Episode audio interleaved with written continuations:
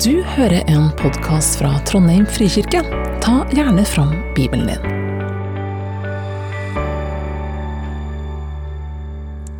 Ja, da skal jeg lese fra Efeserne, kapittel 2, vers 1-10. Dere var en gang døde på grunn av misgjerningene og syndene deres. Dere levde i dem på den nåværende verdens vis og lot dere lede av herskeren i himmelrommet, den ånd som nå er virksom i de ulydige. Ja, vi levde alle en gang som de. Vi fulgte lystne i vårt eget kjøtt og blod og lot oss lede av det og av våre egne tanker. Vi, vi var av naturen vredens barn, vi som de andre. Men Gud er rik på barmhjertighet. Fordi han elsket oss med så stor en kjærlighet, gjorde han oss levende med Kristus. Vi som var døde på grunn av våre misgjerninger. Av nåde er dere frelst. I Kristus Jesus har han reist oss opp fra døden sammen med ham og satt oss i himmelen med ham. Slik ville han i de kommende tider vise hvor overstrømmende rik han er på nåde, og hvor god han er mot oss i Kristus Jesus. For av nåde er dere frelst ved tro. Det er ikke deres eget verk, men Guds gave. Det hviler ikke på gjerninger, for at ingen skal skryte av seg selv. For vi er Hans verk, skapt i Kristus Jesus til gode gjerninger, som Gud på forhånd har lagt ferdige for at vi skulle vandre i dem. I eh, kapittel 1 har Paulus nå lovprist Gud for hans store makt og kraft. Den kraft som vekte Jesus opp fra de døde og satte han ved hans høyre hand i himmelen over alle makter og myndigheter. Og Så begynner altså Paulus kapittel 2 med å si at dette gjelder også for oss.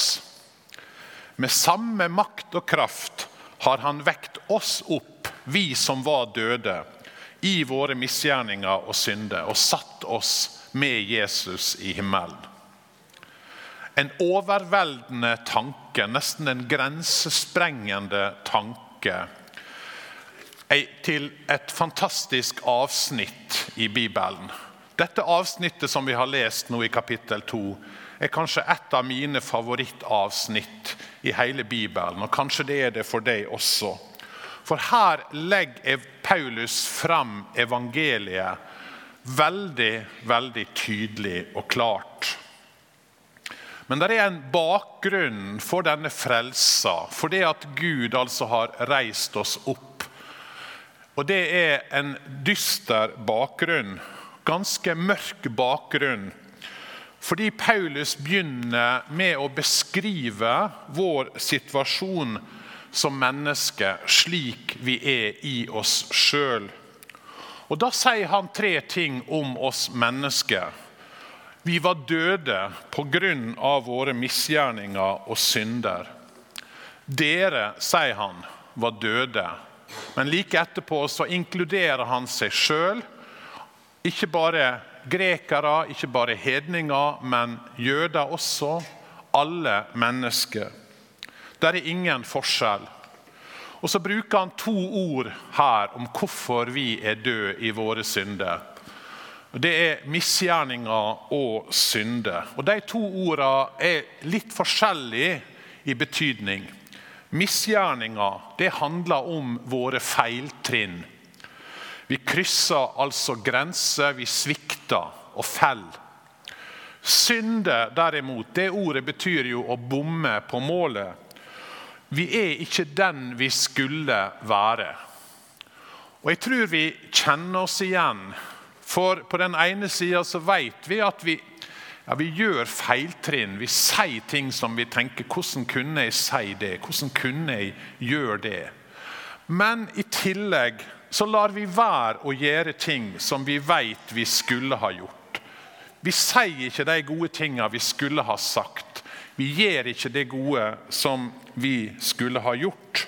Vi velger ofte en enklere løsning Ibsen i Per Gynt han beskriver jo Per ikke som direkte vond, men som en som går utenom. Og Det er litt av det som er dette med ordet synd. Å ikke være den du egentlig er, eller skulle ønske at du var. Du kjenner deg ikke igjen. Hvorfor er jeg sånn?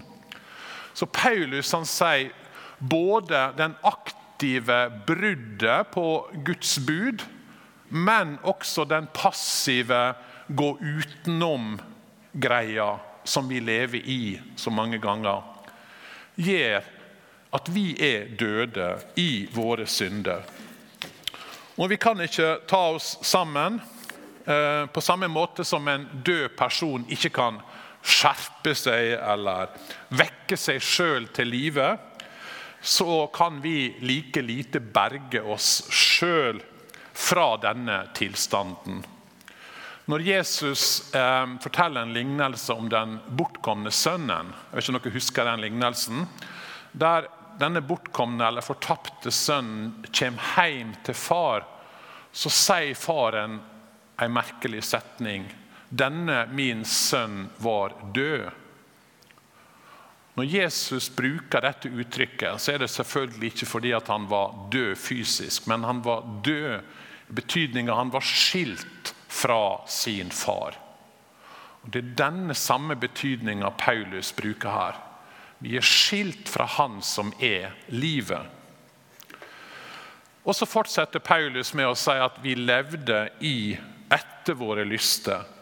Dere levde i dem, sier han, misgjerningene og syndene, på den nåværende verdens vis, og lot dere lede av herskeren i himmelrommet, den ånd som nå er virksom i de ulydige. Ja, vi levde alle en gang som de. Vi fulgte lystne i vårt eget kjøtt og blod og lot oss lede av det og av våre egne tanker. Legg merke til hvor tydelig Paulus sier at vi blir leda.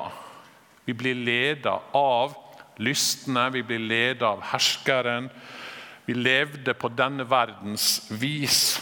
Paulus minner oss på at vi lar oss lede, vi blir påvirka.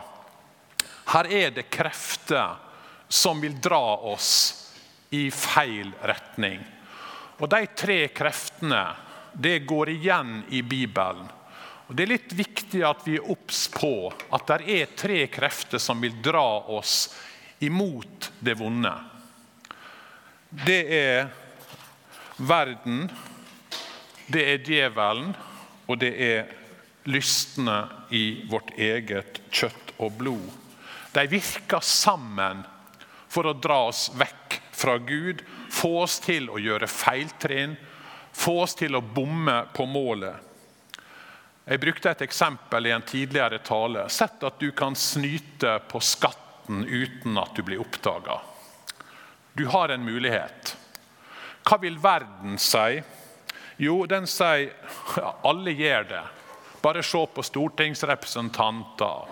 Nå leser du på Facebook om folk som gjør det ene og det andre. Så blir du påvirka og tenker ja, ja, jeg kan vel gjøre det. Hva sier djevelen? Jo, han sier ja, Gud har ikke sagt noe om å snyte på skatten. Det står ikke noe om det i buda. Gjør det det? Nei. Eh, og Gud vet ikke hvordan det er å leve i 2023 så bare gjør det. Og hva sier vårt eget kjøtt og blod? Hva sier lystne i vår egen liv? Jo, de sier tenk alt du kan nyte hvis du får de ekstra pengene. Tenk alt du kan glede deg over å kjøpe eller dra på ferie med. Bytt ut å snyte på skatten med hva som helst. Seksuelle fristelser, fristelser til å lyge eller ta ting som ikke er ditt, begjære hva som helst. Og du ser der er tre krefter som alle vil dra deg bort fra Gud til å gjøre det som du ikke skulle gjøre.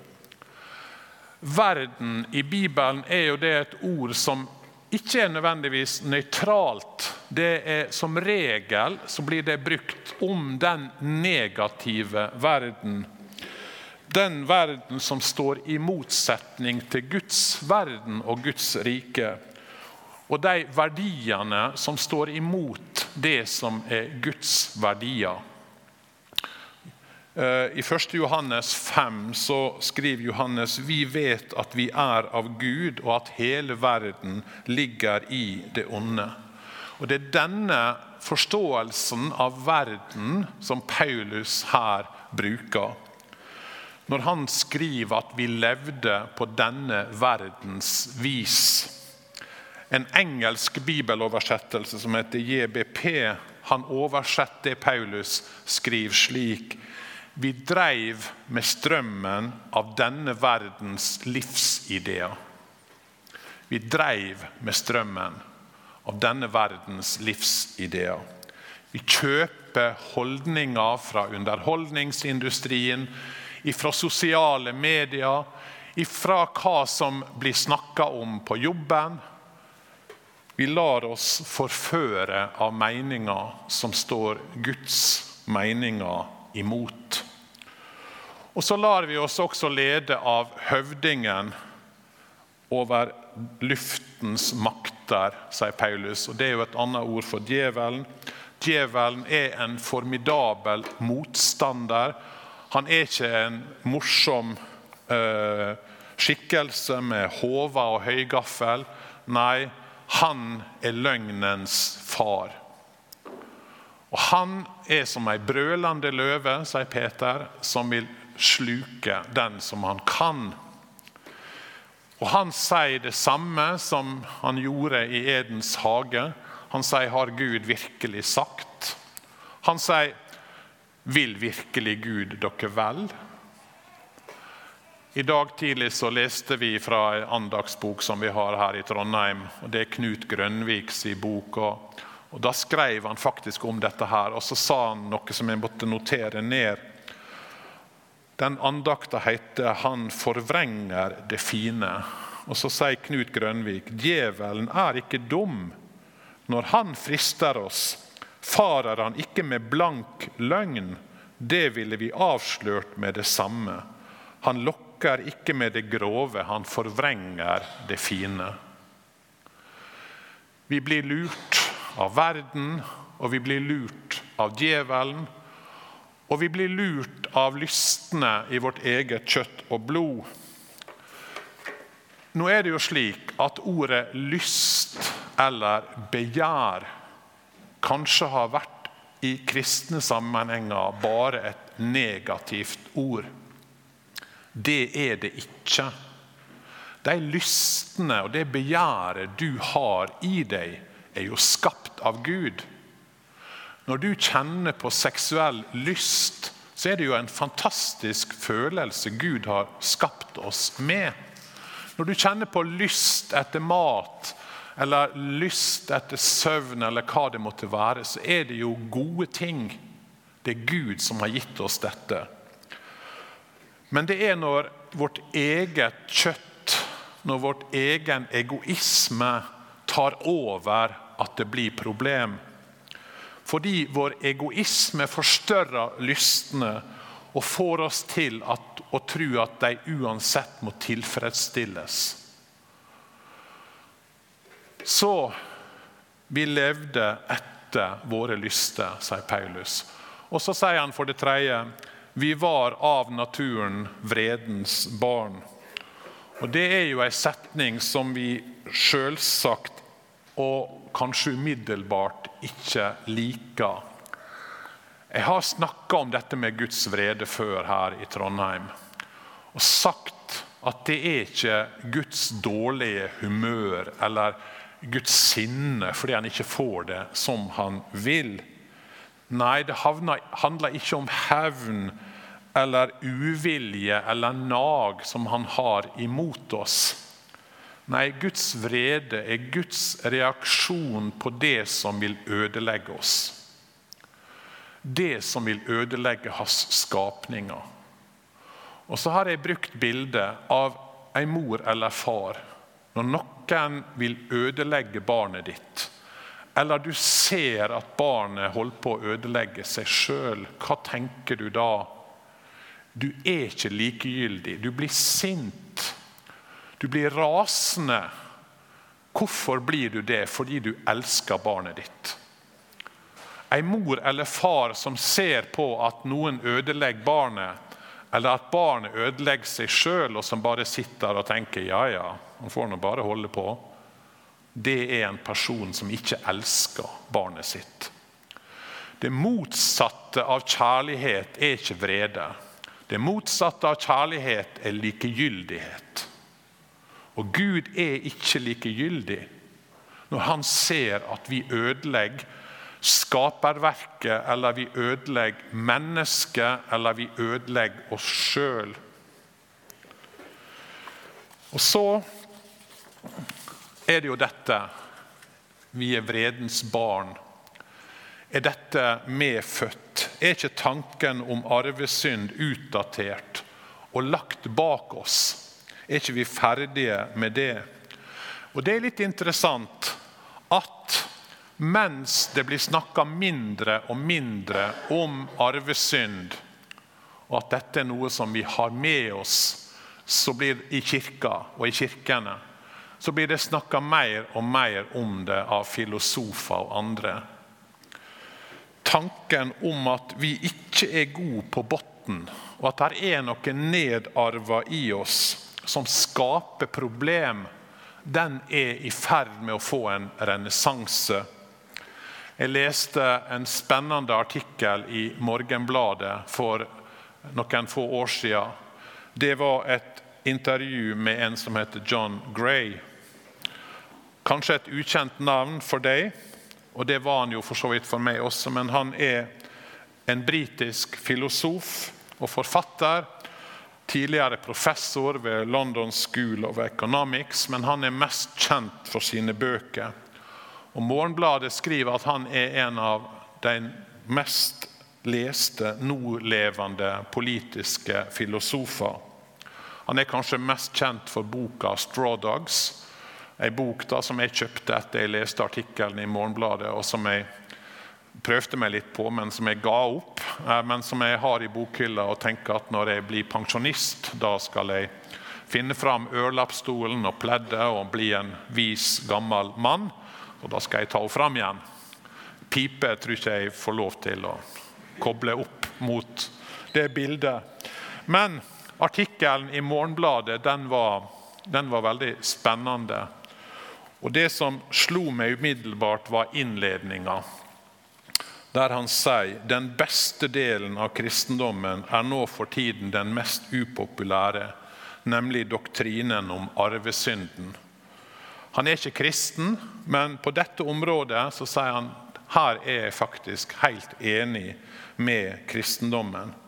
Og Overskrifta på artikkelen det var denne. John Gray er ikke pessimist. Han mener bare at mennesket er en uforbederlig synder. Og Det strider jo mot veldig mange som tenker at ja, men det går jo framover i verden. Det går bedre og bedre. Men det sier John Gray, det er en illusjon, og det er ikke historisk. Han sier menneskets historie er en serie av katastrofer med sporadiske perioder av fred og sivilisasjon. Og han vil denne trua til livs, at vi er i ferd med å skape en bedre verden. Denne trua sier han, det stammer fra våre emosjonelle lengsler, og ikke fra vår fornuftige erkjenning. Og så sier han Problemet er at vi er ikke gode.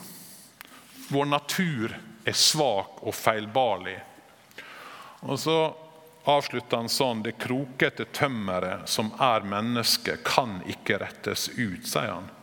Og Bare ved å innse vår egen tilstand kan vi ha håp om å oppnå en gradvis forbedring. Så langt John Gray. Men han minner meg om noe som også Luther sa, og som Luther henta fra kirkefaderen Augustin, nemlig at vi mennesker vi er innkrøkt i oss sjøl.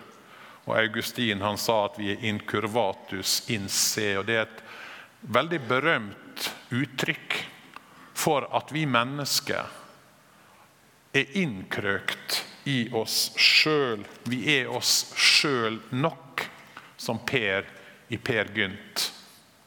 Og Her rører vi ved kjerna i den kristne trua. kjerna i kristendommen. Er mennesket egentlig godt og trenger bare litt hjelp og støtte? Eller er vi døde og har ikke sjans til sjøl å reise oss opp? Og Det er det Bibelen og det er det Paulus sier da i denne teksten. Vi kan ikke frelse oss sjøl. Kan en død ta seg sammen og komme til liv igjen? Nei. Kan en død bare skjerpe seg og reise seg opp? Nei. Betyr det at en kristen mener at en som ikke tror på Jesus, ikke kan gjøre noe godt? Selvsagt ikke. Det er stor forskjell på, på, det menneskelige nivået. Det er stor forskjell mellom Hitler og moder Teresa. Det er jo som noen hopper over to meter i høgde. Andre kanskje her i salen hadde klart 1,50. Skal ikke ta noen håndsopprekning. Noen av oss hadde strevd med én meter. Og så tenker du ja, det er stor forskjell. Men hvis målet er å hoppe 200 meter høyt, ja, så er det på en måte forskjell, men det er likevel noe fundamentalt problematisk for alle. Og Det er det Bibelen sier. Det er noe fundamentalt problematisk for alle. I forholdet til Gud er vi uten håp om å frelse oss sjøl. Og så tenker du kanskje er ikke dette deprimerende, da? Og Det kan hende at noen opplever det sånn. Og Kirka har kanskje av og til blitt oppfatta som om den er ute etter å gjøre folk til syndere. Ute etter å plage folk. Ute etter å få dem til å føle seg elendige. Sånn som jeg leste i en bok av Philip Jensi, for å sitere han igjen. da. Han, han hadde en venn da, som jobba blant de mest eh, eh, nedslåtte på sørsida av Chicago. Eh, og Der treffer han altså ei prostituert, narkoman, ung mor med en, en unge på to år. og Hun forteller om livet sitt. Og Jeg vil ikke gjenta det hun forteller, for det var så ille. Så han her er vennen han blir helt, han får helt vondt i magen. Han blir helt slått ut. Og Så sier han men du har ikke tenkt at du kunne gå til ei kirke og få hjelp, da, sier han til henne. Og Så sier han han kunne ikke glemme det ansiktsuttrykket som denne prostituerte satte opp. Kirka? Jeg føler jo meg allerede elendig og helt på bunnen. Hvorfor skulle jeg gå til ei kirke og, og få dem til å føle meg enda verre? Det var hennes bilde av kirka få meg til å føle meg enda verre. Men det er ikke det Bibelen er ute etter. Det er ikke det Kirka er ute etter. Det er ikke derfor vi har gudstjeneste og forkynner om evangeliet. Men det er fordi at du skal få ha et rett bilde av deg sjøl. Noen går jo ikke til doktoren fordi de er redd for at de skal få en diagnose om at de er syke. Det er jo ikke særlig klokt. Det er jo når en er syk at en trenger medisin. Det er jo når en er syk at en trenger helbredelse. Og Bibelen gir oss altså en alvorlig diagnose. Vi kan ikke frelse oss sjøl. Vi kan ikke frelse oss sjøl. Det må et under til. Og så er det det Paulus så fantastisk bryter inn i denne teksten med to ord. Men Gud, sier han. Men Gud. Vi var under Guds vrede, men Gud. Vi var døde, men Gud har oppreist oss. Det måtte et under til, og det gjorde Gud i Jesus Kristus. Og Så sier han han gjorde oss levende med Kristus og så sier han, I Kristus har han reist oss opp fra døden sammen med han. I Kristus har han satt oss i himmelen sammen med han. Det er det Gud har gjort i Jesus Kristus. Det høres nesten ut til å være for godt til å være sant. Det er nesten utrolig at vi er reist opp, at vi er, sitter i himmelen sammen med Han. Går det an? Og Da er det en tanke i Bibelen som vi har snakka om. Ingebrigt har snakka om det flere ganger. Dette uttrykket 'allerede har det skjedd', og ennå ikke fullt ut. Kom Guds rike med Jesus? Ja. Sjuke ble helbreda, døde sto opp igjen, evangeliet ble forkynt for fattige. Men kom Guds rike fullt ut? Nei, enda ikke kommet fullt ut. Og Det å holde fast på begge deler er helt sentralt i Bibelen. Vi har del i all åndelige velsignelser, leste vi i kapittel 1. Har vi det? Ja. Har vi det fullt ut sånn som vi skulle ønske? Nei, enda ikke. En dag skal vi få det fullt ut. Uh, og det er her også dette begrepet at vi sitter i himmelen sammen med Han, kommer inn. Vi kan ikke se det, men vi kan tro det. I Hebreabrevet så, så skriver eh, forfatteren om Jesus. Han siterer fra salmene. Du har kronet ham med herlighet og ære. Alt har du lagt under hans føtter. Og så sier han da Gud la alt under ham, da var ingenting unntatt. Alt skulle underlegges ham. Og så føyer han til ennå kan vi ikke se at alt er lagt under ham. Bibelen utfordrer oss til å holde fast på sannheten. Vi er satt i himmelen sammen med Jesus. Men vi kan ikke se det, og ennå ikke erfare det fullt ut, sånn som vi en dag skal få så å erfare. Vi er oppreist med Kristus til et nytt liv. Vi sitter i himmelen sammen med Han, samtidig som vi altså lever i denne synlige verden. Og Dette er jo det sentrale i Efeserbrevet. I Kristus, i Jesus, så har vi del i alle velsignelser. Vi har del i hans rettferdighet, vi har del i hans liv. Og en dag så skal vi altså få det fullt ut. Men Gud, sier Paulus.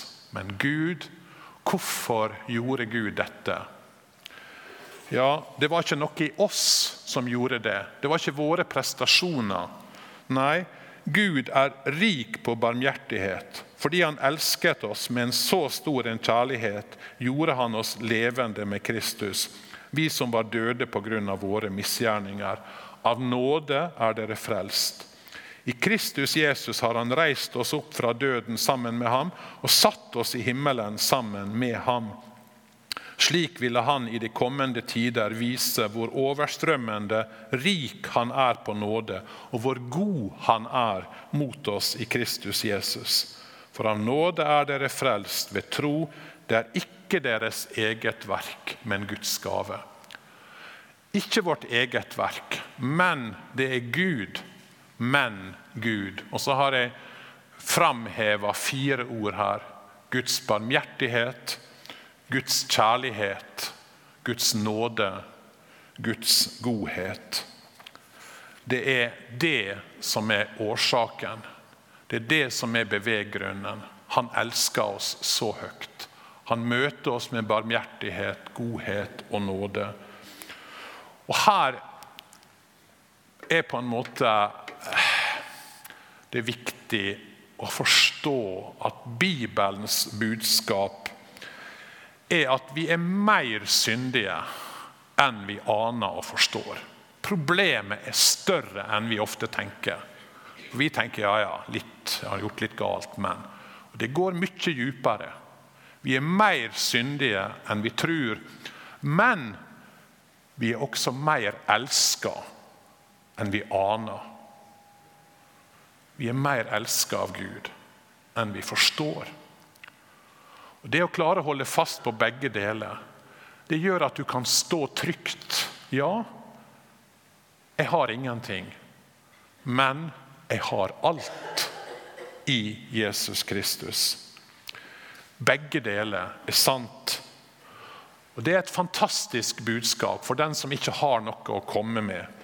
Det var ei dame som sa det at et, en religion som lar mordere slippe inn og stenge religiøse ute, det er en dum religion. Men det er en fantastisk religion for en morder. For oss som ikke har noe å komme med.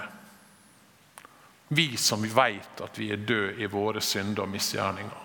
Så er evangeliet fantastisk. Gud elsker oss med en så stor kjærlighet. Nåde for den som svikter og feiler. Og Når en ser det, ja, da ser en jo ikke ned på noen rundt seg, eller som en kjenner. En ser ikke og sammenligner ikke seg med han som hopper 1,50 i høyde. Han sammenligner ikke seg med han som hopper 1 meter. Vi ser ikke ned på andre, for vi vet jeg er den største av alle syndere. En ser ikke ned på en Moxnes på Gardermoen fordi en vet jeg er verre. Paulus sier jeg er den største av alle syndere. Og vi har ingenting å rose oss over. Vi har bare én ting vi kan gjøre, å klynge oss til Jesus Kristus. Det kom ei mor til Napoleon en gang og ba om nåde for sønnen sin. Han var dømt til døden for forræderi mot keiseren. Men eh, keiseren var uberørt, Napoleon var uberørt. Han sa det at det han har gjort, er så galt at han må ha den strengeste straff. Ja, Men jeg ber ikke om rettferdighet, sa mora. Jeg ber om nåde. Og Så svarte Napoleon ja, men han fortjener ingen nåde. Og Så svarte mora hvis han hadde fortjent det, da var det ikke nåde. Det er det som er Bibelens budskap. Vi fortjener det ikke, men Gud møter oss med nåde, med godhet, med barmhjertighet og reise oss opp. Og Så sier han ikke bare reiser han oss opp, men vi er hans verk, skapt til gode gjerninger, som Gud på forhånd har lagt ferdige for at vi skulle vandre i dem. Og så tenker du kanskje å ja, nå skal vi begynne å liksom skjerpe oss igjen nå da, og gjøre gode gjerninger. og sånn. Det er to ord på gresk for dette med god. Nå skal dere få en liten gresk, gresk eh, lære til slutt her i talen min. Fordi på gresk er det to ord for dette med god. Det er agatos, som betyr god i moralsk betydning. Så det er et annet ord som heter kalos, som betyr vakker. God, vakker. Så når en greker, når du er i Hellas og han sier 'kalimera' til deg, som, som vi leser eller tolker som 'god dag', så sier han egentlig 'ha en vakker dag'. Og Det er dette ordet Paulus bruker her. Han bruker ordet 'kalos'. Han sier 'gå ut'. Vi er skapt til vakre gjerninger som Gud har lagt ferdige foran oss. Rause gjerninger, uventa gjerninger. Gjerninger som ikke er opptatt av at hva får jeg tilbake igjen for dette her. For vi har en Gud som er vakker, og som er raus, og som er god. Gud, vi takker deg for din barmhjertighet, for din nåde for din godhet, for at du elsker oss så høyt. At du har gjort oss levende med Jesus og satt oss i himmelen sammen med han. Og så har du skapt oss til et nytt liv, der du legger gode, vakre gjerninger framfor oss. La oss gå ut i hverdagen i veka som kommer, og gjenspeile at du er en vakker og god Gud. Amen. Takk for at du hørte på. Velkommen til gudstjeneste søndager klokka 11. Mer informasjon finner du på trondheim.frikirke.no.